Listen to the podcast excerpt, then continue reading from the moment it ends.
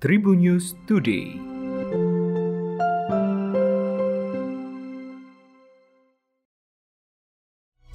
Halo Tribuners, berjumpa kembali bersama Hakim di Tribun News Today. Hakim akan berbagi informasi menarik hari ini, mulai dari informasi nasional, regional, selebritis, hingga olahraga.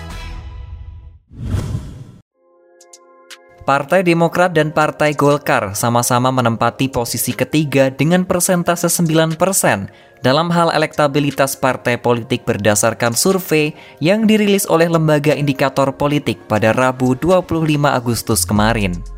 Partai Demokrat makin optimistis menatap pemilu 2024. Demikian disampaikan Deputi Bapilu DPP Partai Demokrat Kamhar Lakumani kepada wartawan pada Kamis 26 Agustus kemarin.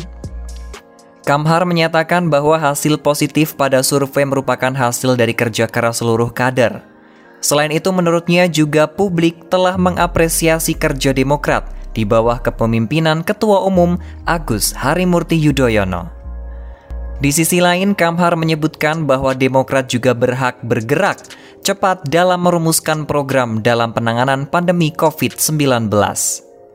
Misalnya beberapa program yang dibuat untuk membantu penanganan pandemi COVID-19 seperti Gerakan Nasional Partai Demokrat Perang Semesta Melawan COVID-19, Gerakan Nasional Partai Demokrat Peduli dan Berbagi, serta Gerakan Nasional Partai Demokrat Bantu UMKM dan Free Wifi.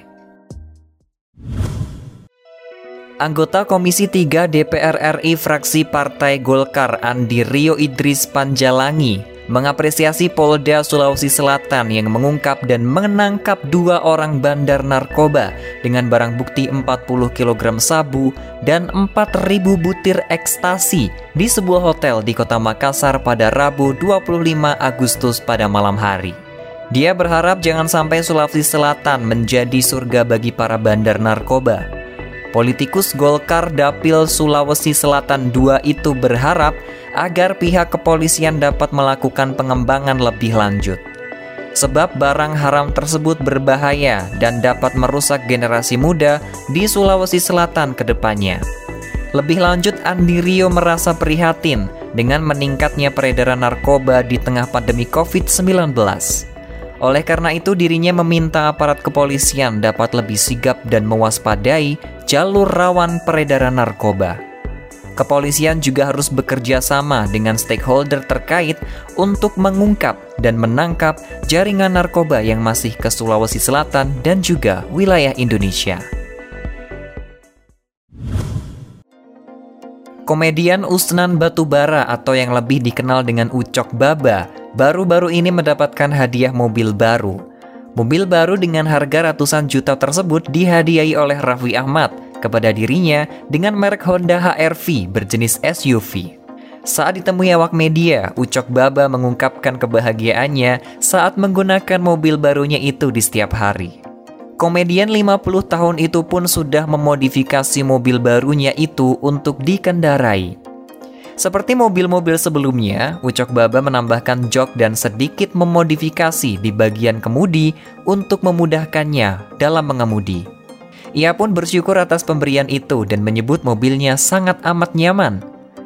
Awalnya, Raffi Ahmad berniat untuk meminta mobil lama milik Ucok Baba untuk dirinya. Namun ia berubah pikiran dan menyebut jika kendaraan lamanya berhak disimpan oleh Ucok Baba. Melihat kebaikan Raffi Ahmad, Ucok Baba tidak heran bila suami Nagita Slavina itu selalu dilimpahkan rezeki yang tak terhingga.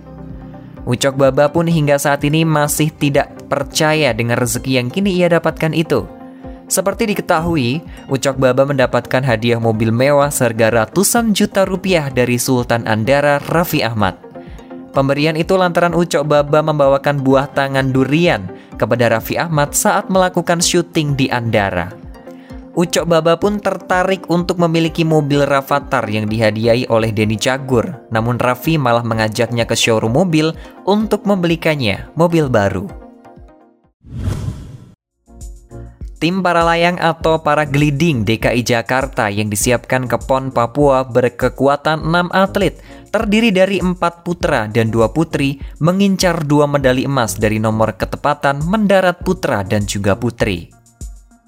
Hal itu disampaikan pelatih para layang atau para gliding DKI Jakarta, Gendon Subandono di hadapan Ketua Umum KONI Provinsi DKI Jakarta dan pengurus inti yang mengunjungi latihan cabang olahraga tersebut. Latihan ini digelar di Desa Wisata Tugu Selatan, Gunung Mas Puncak, Bogor, Jawa Barat.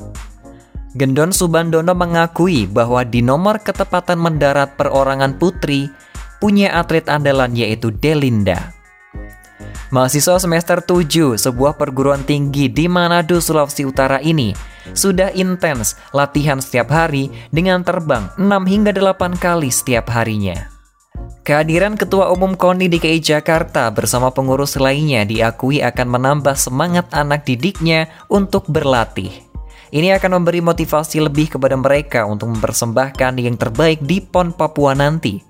Sementara itu Ketua Umum KONI Provinsi DKI Jakarta, Jamuron Pewibowo, mengatakan kepada atlet agar terus mengasah kemampuan untuk meraih prestasi terbaik di Papua nanti. Kalau masih ada kekurangan, jadikan itu sebagai pelajaran yang akan diperbaiki. Jamuron Pewibowo juga mengatakan bahwa keinginan untuk menjadi juara itu harus dimulai dari dalam hati setiap atlet. Kalau atlet sudah punya tekad yang kuat untuk menang, dia akan melakukan cara apa saja untuk berlatih sebanyak mungkin, sekeras mungkin, dan sebaik mungkin.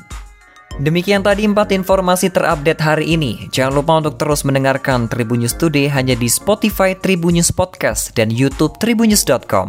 Tetap patuhi protokol kesehatan 3M dengan memakai masker, mencuci tangan dan menjaga jarak atau menjauhi kerumunan. Saya Hakim pamit, salam sehat untuk semua. Tribun News Today.